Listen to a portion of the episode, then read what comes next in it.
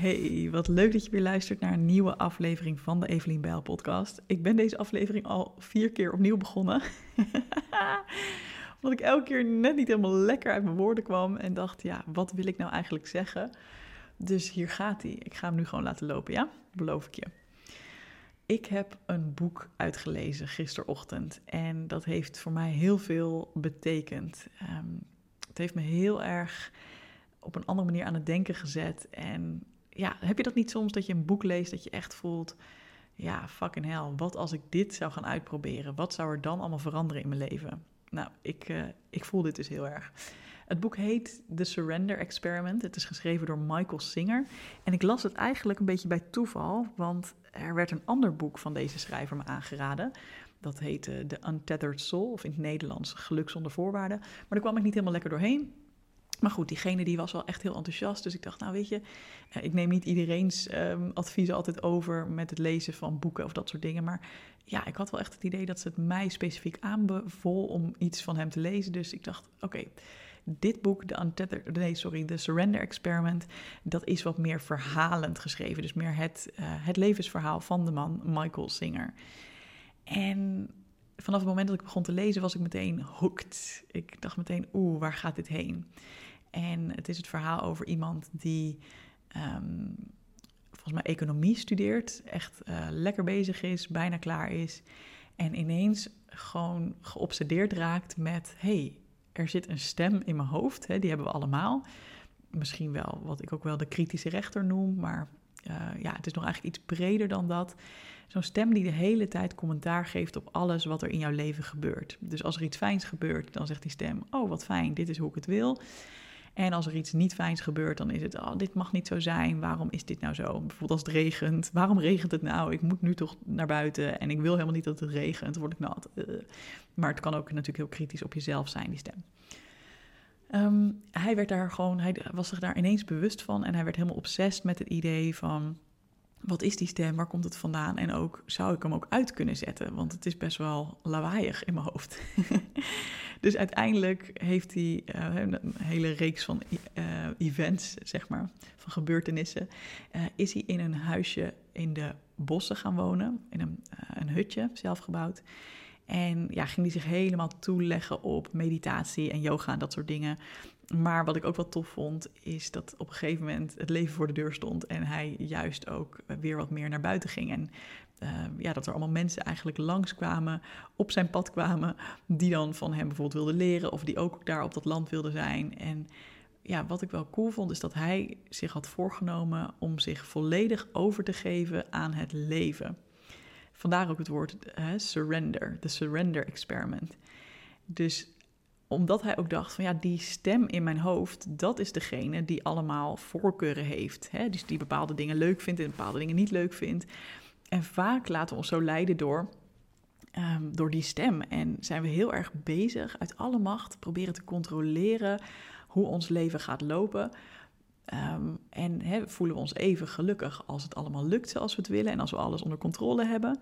Maar als het vervolgens weer instort of er gebeurt weer iets niet fijns of uh, ja, het regent, om weer dat voorbeeld te noemen, dan is dat geluk van hele korte duur en dan is het weer weg, want dan is die stem het er weer niet mee eens.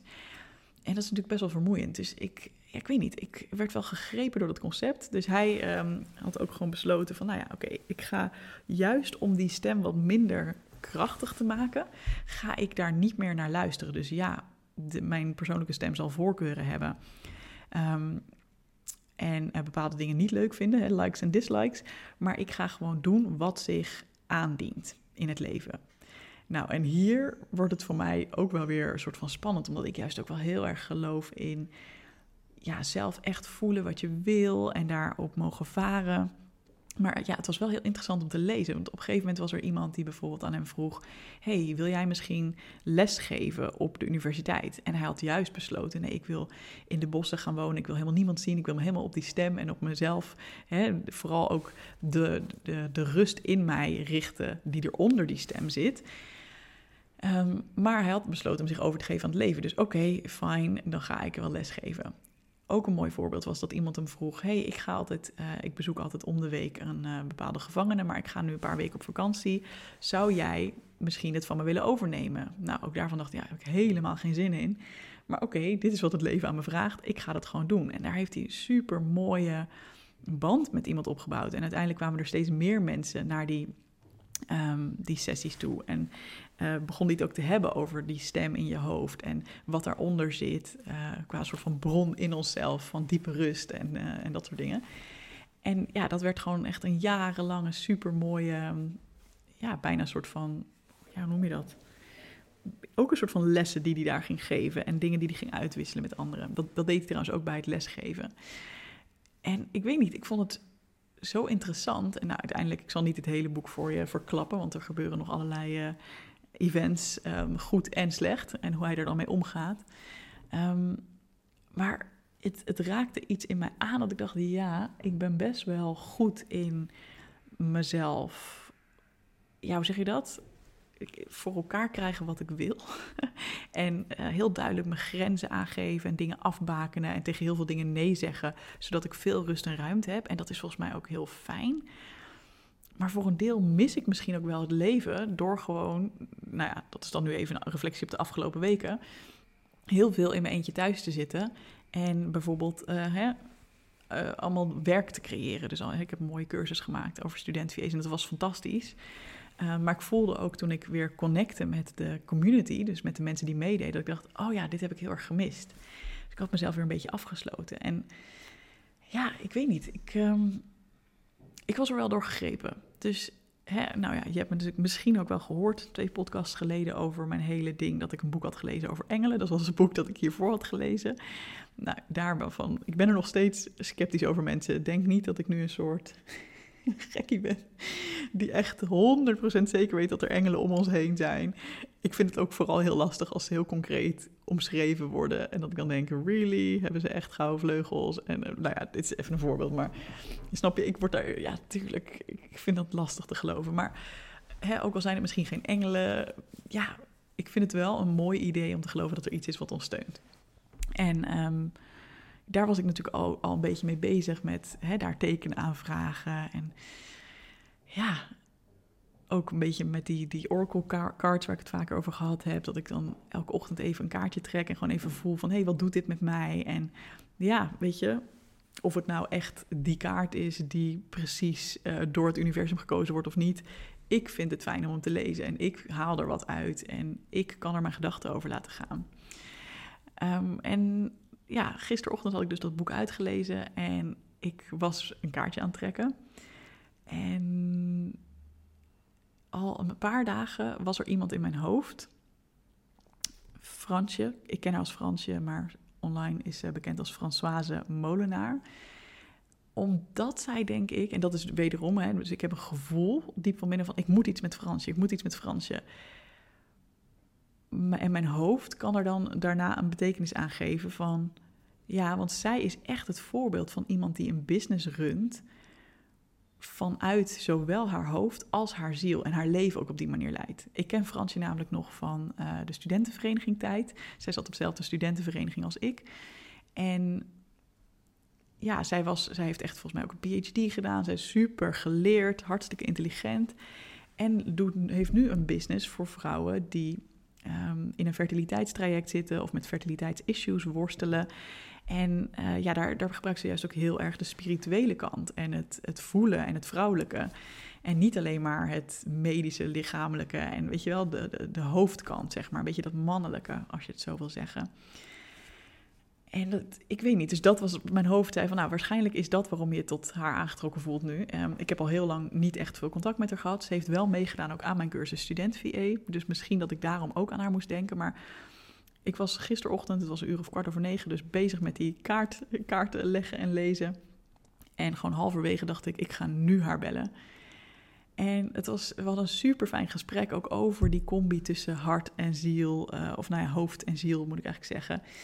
Um, en op een gegeven moment vroeg ik ook van ja, ik heb het idee dat ik jou ergens mee mag helpen of zo. Dit klinkt heel raar. Ik heb het ook echt gewoon. Ik dacht van ja, als er iemand is die het wel begrijpt en die er wel voor open staat, dan is zij het wel. Um, dus ik ben ook gewoon heel eerlijk geweest van ja, ik heb gewoon de hele tijd het gevoel dat ik jou moet bellen. Dus ik dacht, ik doe het maar. dus nou, dat was in eerste instantie al een mooi gesprek. En toen zei ik dus, ja, oké, dit gaat ook weer heel gek klinken. Maar ik heb het gevoel dat ik jou ergens mee kan helpen. Maar ik heb geen idee wat. Heb jij enig idee? En toen zei zij, ja, nou, ik ben eigenlijk best wel bezig met het thema online zichtbaarheid.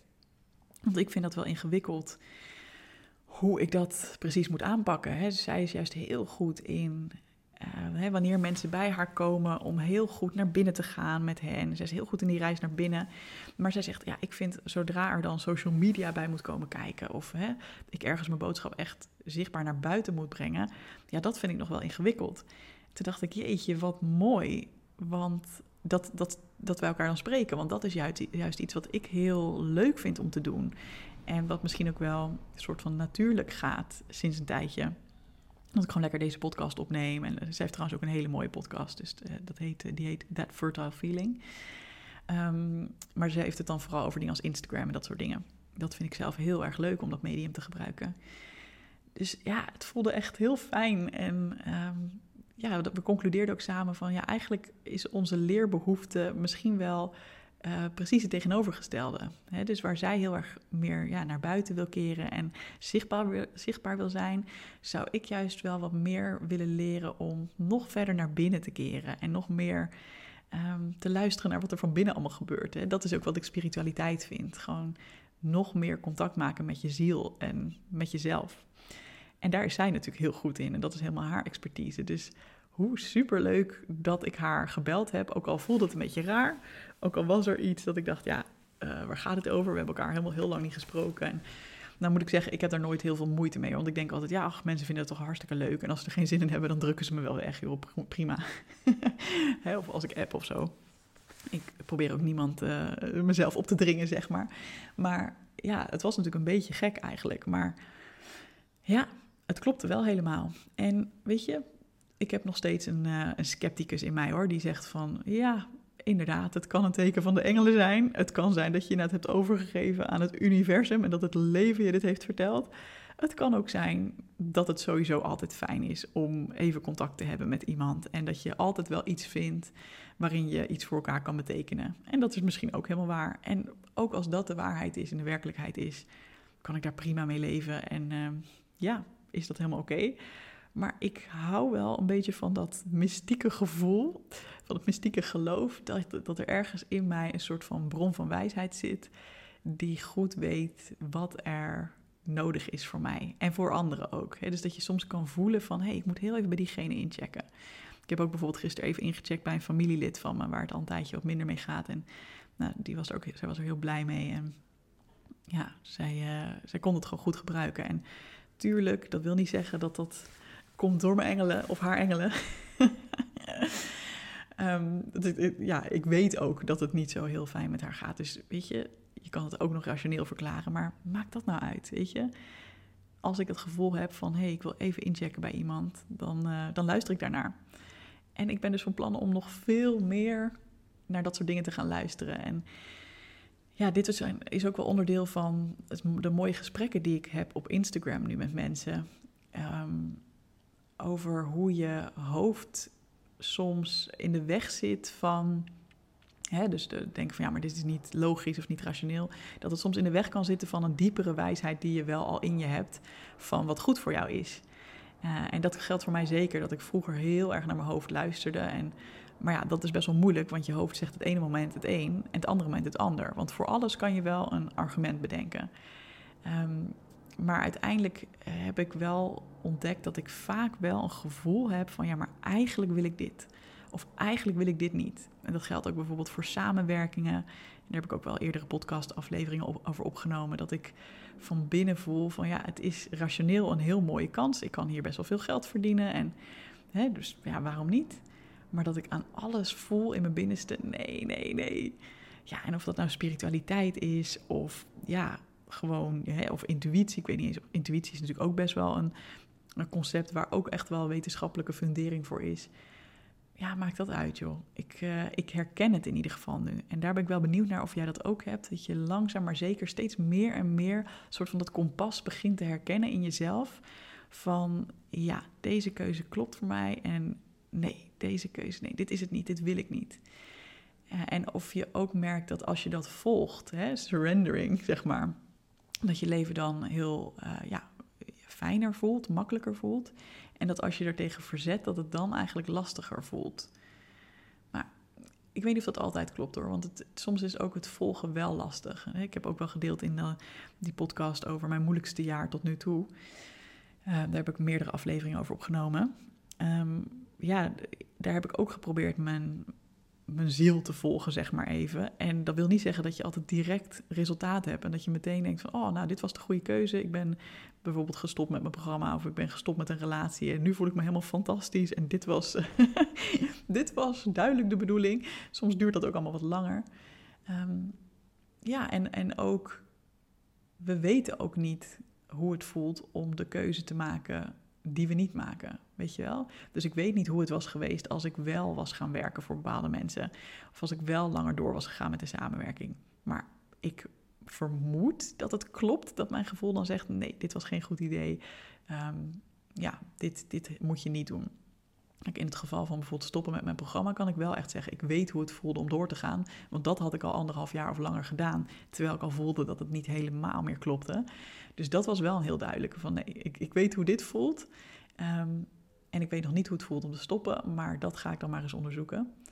Um, en in het geval van iets niet doen is natuurlijk altijd de vraag, hoe was het gegaan als je het wel had gedaan? Maar ik heb er nooit spijt van, moet ik zeggen. Omdat ik altijd denk, ja, tot nu toe zijn er altijd bij dat soort dingen veel mooiere klussen of keuzes of, of omstandigheden um, in mijn leven voor in de plaats gekomen. In ieder geval mooier dan, dan die andere keuze voelde op het moment dat ik de beslissing nam. Oh god, dit wordt vaag hè. Ik hoop dat je me nog begrijpt.